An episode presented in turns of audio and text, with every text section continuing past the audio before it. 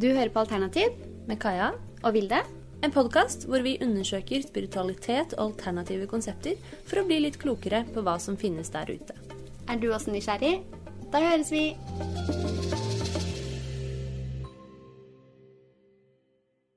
Hei. Hei, Kaja og Vilde her. Det er bare oss. Ja. Vi har ikke noe intervju i denne episoden, fordi vi skal bare prate veldig kjapt. Om alternativ og hvorfor vi gjør det. Og hva dere kan forvente. ja. Så hvor starter vi da? Vi kan jo starte med hvorfor alternativ. For det første så er både jeg veldig interessert i spiritualitet og åndelighet og alt som følger med. Samtidig som vi har også følt på en, en viss sånn Jeg vil ikke kalle det skam, men jeg vil kalle det en litt sånn tabufølelse rundt det å skulle fortelle om det At det blir mottatt litt spesielt av folk som ikke er interessert i det selv. Ja, fordi da um, De som ikke er interessert i det selv, ser ofte på det som enten-eller. Ja. Enten er du spirituell og går med strisekk og tror ikke på vitenskapen, eller så er du rasjonell og oppegående. kanskje. ja. For å sette det på spissen. Men du er jo oppegående. Ja, jeg ser på meg selv som oppegående. Du er også oppegående. For, og det er det som er poenget. At vi tror at um, det går an å være interessert i begge deler. Ja. Men så finnes det jo også et hav av eh, andre podkaster der ute. Det har faktisk dukket opp en del i Norge i det siste. Eh, om åndelighet, vitenskap, yoga. Eh, alle disse tingene. Og med Alternativ så ønsker vi å touche inn på ulike temaer og konsepter som eh, Som finnes innenfor spiritualitet, åndelighet, alternativbransjen. Eh, for å lære mer om det, og for å dyrke vår nysgjerrighet. Og så håper jeg at eh, dere har lyst til å følge oss på den eh, reisen. Eh, for å lære mer, og så kan man jo da se om det er noe man kan plukke opp på veien som man kan bruke eller implementere i sitt eget liv. Ja. Også for å bare ha en litt mer bevisst diskusjon om hva disse temaene egentlig handler om. ja, spesielt det. For det kan være litt vanskelig å navigere seg i det alternative landskapet. Ehm, og særlig når det er snakk om, om tjenester, spirituelle tjenester, som koster penger. Og vi tror at ved å åpne opp for en sunn diskusjon, så blir det litt enklere å ta de riktige valgene.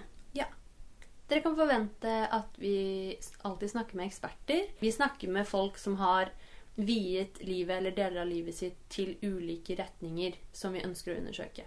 Mm. Og med det så kommer det en viss eh, respekt rundt det som vi tenker i en sånn type podkast er veldig viktig, fordi vi tror også det er så lett å lett å tenke at man blir veldig fort ekspert på ting. Ja. Og det er så lett å tenke at man kan alt. Og f.eks. da eh, er personlig erfaring innenfor yoga, som både jeg og Vilde Vilde er interessert i å drive med, og at, hvordan man hele tiden lærer noe nytt, og man kan bli mer kjent med seg selv og alle disse tingene, em, som gjør at vi da ser et behov for og har lyst til å prate med folk som har drevet med dette lenge. ja, som kan det mer enn oss. Absolutt, fordi Det sa jeg absolutt igjen. Ja, Men- men, det er et bra ord. Det er absolutt et bra ord. Ja, det er det. Men eh, Og vi tror også på en sånn ydmykhet overfor disse temaene og disse verktøyene som finnes i det, og verdien. Ja. Og vi vet at folk er søkende og veldig sultne på konkrete tips og råd når det kommer til dette. Vi er det selv. Og i Aftenposten-artikkelen så sto Aftenposten-artikkel, En Aftenposten-artikkel som kan jeg bli intervjuet i. Der sto det også at flere unge er interessert i spiritualitet og astrologi nå enn før.